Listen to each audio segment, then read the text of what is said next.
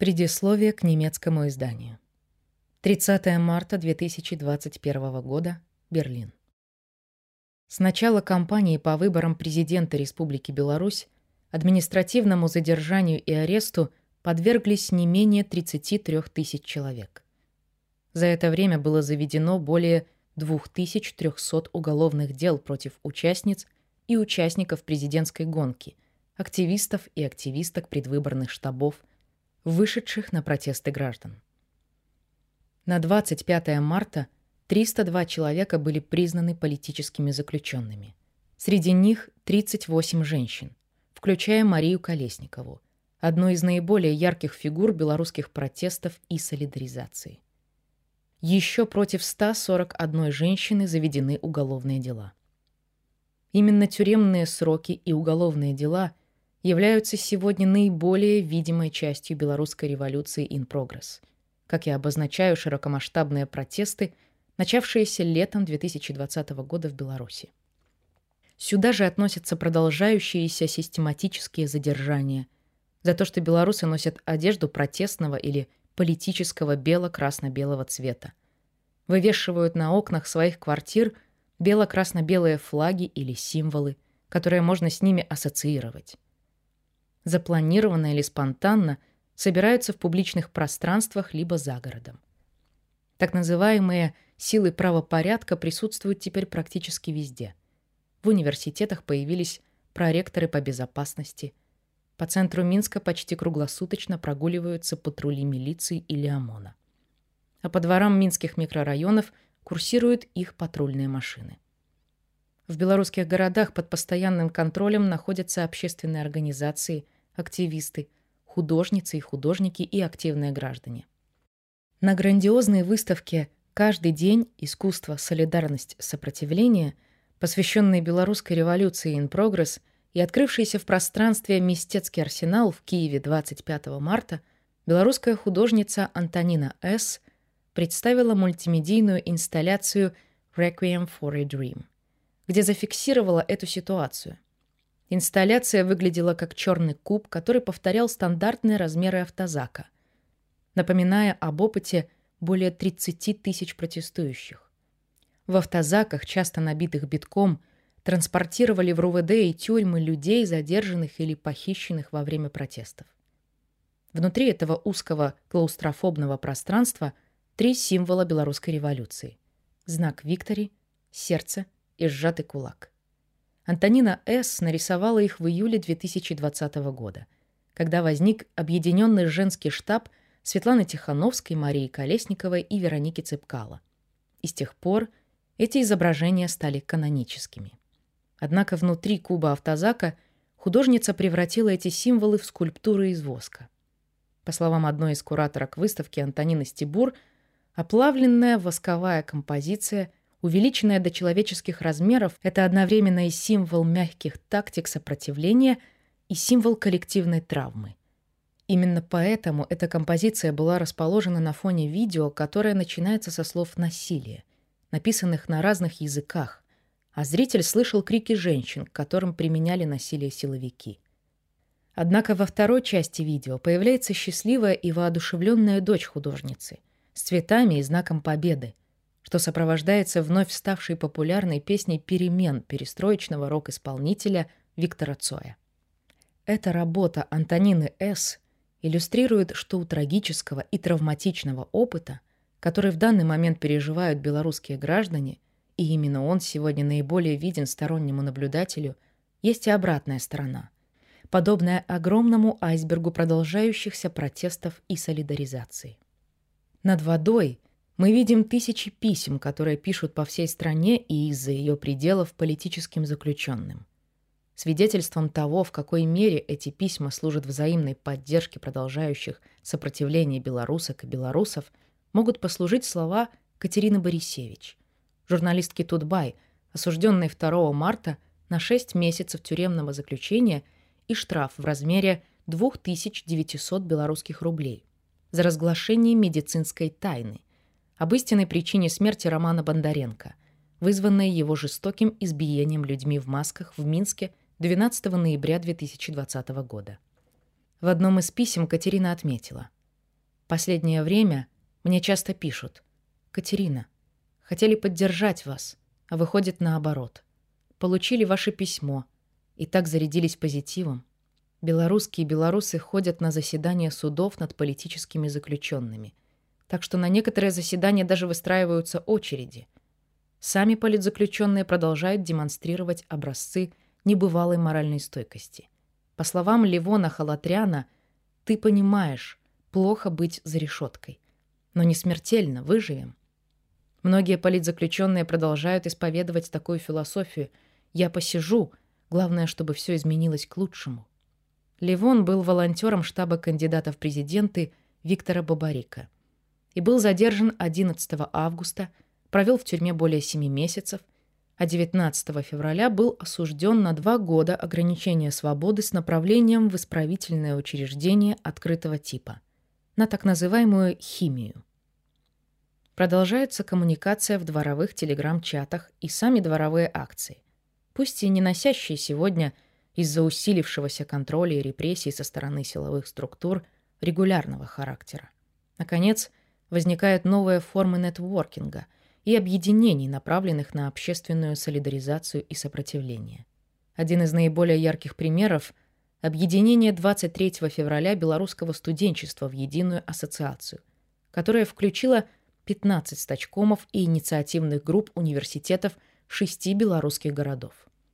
Целью объединения студенты видят возвращение в Беларусь принципов демократии, законности и соблюдения прав и свобод человека. Под водой этого айсберга общественного пробуждения Беларуси 2020 года многочисленные партизанские тактики, направленные на поиск все новых способов взаимопомощи, солидаризации и протеста. Не будь их, Смирись белорусское общество со своим положением жертвы диктатуры Лукашенко, обнажившей в 2020 году свой репрессивный потенциал, у государственного аппарата не было бы необходимости прилагать столько усилий для осуществления репрессий и контроля за белорусским обществом во дворах, на улицах, рабочих местах и в различных публичных пространствах. На судах так называемые «свидетели», чаще всего сотрудники милиции – закрывают балаклавами свои лица так, что остаются одни крохотные щели для глаз. Даже приходя на прием к врачам, они боятся назвать место своей работы. Среди партизанских тактик разные формы саботажа и уклонения. Например, от распоряжения начальства поставить подпись под требованием отменить санкции со стороны ЕС или от покупки товаров производителей, лояльных Лукашенко – а также распространение революционной символики, листовок, информации. Основатель сайта Гомель Today и популярный в Беларуси аналитик Петр Кузнецов характеризует протестную ситуацию как поставленную на паузу. Хотя на словах Лукашенко заявляет о своей победе, даже мониторинг со стороны властей показывает, что протестные настроения в обществе никуда не делись, если не усилились из-за последовательной репрессивной политики. Именно поэтому 25 марта в годовщину объявления Белорусской Народной Республики БНР, ставшей в 1918 году первым прообразом современного белорусского государства, Минск и другие города Беларуси были вновь заполнены спецтехникой и силовиками. В этот и последующие дни задержанием были снова подвергнуты несколько сотен человек, и не только в Минске, хотя массового выхода людей на улицы не было. Причины того, что протесты оказались поставлены на паузу, связаны не только с новым уровнем репрессий, проявившимся в ужесточении с 1 марта ответственности за участие в протестах, или с показательными судебными процессами, результатами которых становятся уже тюремные сроки не на сутки, а на годы. Белорусские аналитики называют еще одну причину. Это отсутствие видения, как именно массовые протесты могут сместить существующий режим. Протесты лета-осени 2020 года позволили сделать несогласие белорусского общества с режимом Лукашенко видимым и дали толчок к небывалой солидаризации и самоорганизации значительной части белорусского общества, трансформировав его радикальным образом и принудив Лукашенко удерживать власть за счет роста репрессий, потому что другие механизмы больше не работали. способность Лукашенко отвечать несогласному с ним обществу исключительно насилием, которое общество не может пока остановить, завело политическую ситуацию в стране в тупик.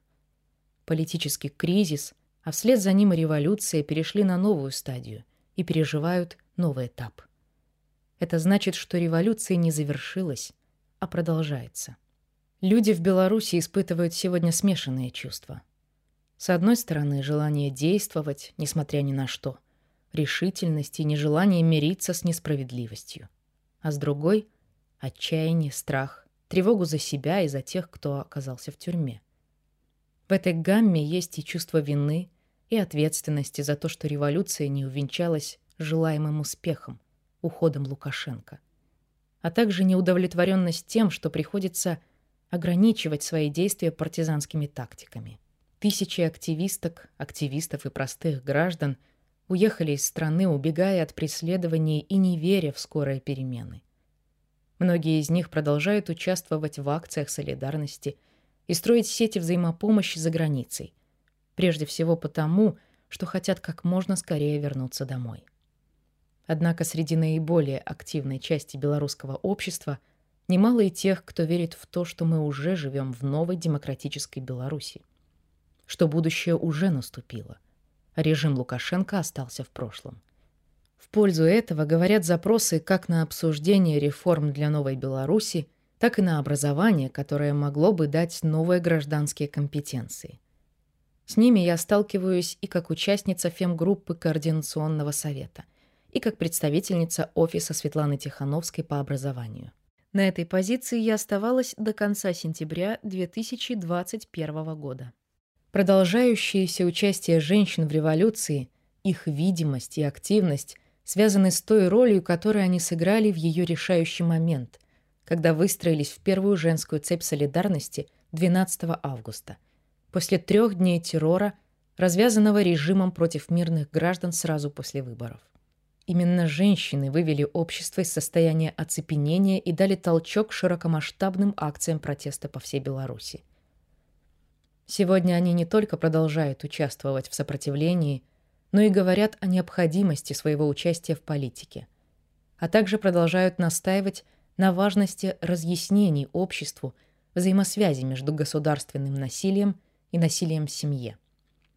Empowerment, который испытали многие женщины в Беларуси, стал частью и моего опыта. Именно он побудил меня войти в августе в основной состав Координационного совета, единого представительного органа белорусского народа, созданного по инициативе Светланы Тихановской для организации процесса по выходу из политического кризиса. А после вынужденного отъезда в конце октября 2020 года в Вильнюс – стать представительницей Светланы Тихановской по образованию. Сегодня свой важнейший вклад в белорусскую Revolution in Progress вносят многие. Координационный совет в Минске и альтернативные центры сопротивления за пределами Беларуси, офис Светланы Тихановской в Вильнюсе, Национальное антикризисное управление под руководством Павла Латушка в Варшаве, активная белорусская диаспора по всему земному шару, сетевые объединения – честные люди и другие. Поверх границ они предлагают новые цифровые инструменты для мониторинга ситуации, для солидаризации и сопротивления, обсуждения будущего демократической Беларуси, а также поддерживают международную солидарность с протестующими белорусами и делают многое другое. Результатами этой деятельности уже стали три пакета санкций ЕС против белорусского политического режима, запуск ООН – процесса по расследованию и документированию преступлений против человечности в Беларуси, перенос чемпионата мира по хоккею и отказ официальной Беларуси в участии в Евровидении в 2021 году. Объем помощи, которая оказывается в сфере академической солидарности репрессированным студентам, преподавателям, исследователям, для истории Беларуси беспрецедентен. 18 марта Светлана Тихановская и Объединенные демократические силы объявили общенациональное голосование за начало переговоров по выходу Беларуси из кризиса при международном посредничестве. Голосование проходило на платформе «Голос», данным которой доверяют ЕС, США, ОБСЕ и другие, И на момент написания этого текста его поддержали уже более 750 тысяч белорусок и белорусов. И все же главной движущей силой продолжающейся революции остаются сами белорусские граждане. Социальная энергия, толчком для высвобождения которой послужила стартовавшая в мае 2020 года предвыборная кампания, ищет все новые выходы. Для белорусского общества это означает продолжение эмансипации и поиска новых совместных инструментов и практик теперь уже не только для освобождения от диктатуры, но и для построения в Беларуси демократии. Это книга о том, как и почему началось пробуждение белорусского общества, а также о том, почему именно женщины стали его лицом. А поскольку женская активизация началась еще в июне, ее первая глава посвящена рождению в Беларуси нового женского коллективного субъекта. В ней я рассматриваю разные формы активизации женщин, описываю организацию фемгруппы Координационного совета и значение тюремного опыта – для женской самоорганизации. Или сестринство. Даю оценку роли женщин в белорусской революции и для их дальнейшей судьбы, и для всего нашего общества, и для будущего феминизма в Беларуси. Вторая глава книги посвящена белорусскому обществу как главной движущей силы белорусской Revolution in Progress. В ней речь идет об общественных и политических условиях, которые привели к пробуждению граждан Беларуси, о многочисленных, децентрализованных, горизонтальных, креативных и опосредованных цифровыми технологиями тактиках общественной активизации и солидаризации. Наконец, о том, чего удалось и не удалось добиться белорусскому обществу на первом этапе революции с многотысячными митингами и протестами, длившимися более 200 дней. В третьей главе книги я делаю попытку концептуализировать пробуждение белорусского общества летом 2020 года и обосновать, почему использую понятие «revolution in progress». Здесь ключевыми для меня являются понятия общественной эмансипации, политической субъективации и забастовки как заботы, а также вопрос о том, насколько продуктивно говорить о солидаризации белорусского общества – в терминах национального пробуждения и национального сообщества. Эту книгу я писала на протяжении трех с половиной месяцев. Работу над ней я начала в ноябре 2020 года, вскоре после того, как из-за политических преследований переехала в Вильнюс. Это значит, что часть событий, например, смерть Романа Бондаренко, происходила одновременно с ее написанием, задавая направление моим мыслям и анализу описываемая мной революционная энергия со всеми ее оттенками коллективной радости, а также скорби и траура, была главной движущей силой и этой книги. В процессе работы над книгой я обсуждала ее идеи на многочисленных международных дискуссиях, лекциях и круглых столах, а также с моим соратником и мужем Александром Адамянцем, подругой и соорганизаторкой фемгруппы Координационного совета Юлией Мицкевич, с моими друзьями в Берлине, славистами и активными участниками белорусской диаспоры Ярославой Ананкой и Генрихом Киршбаумом, а также с белорусско-немецкой художницей Мариной Напрушкиной. Всем им, как и переводчику Фолькеру Вайхзелю, редакторке книги Катарине Рабе, а также инициативе Мартина Рота, я искренне благодарна за помощь и поддержку, без которых эта книга просто не стала бы возможной.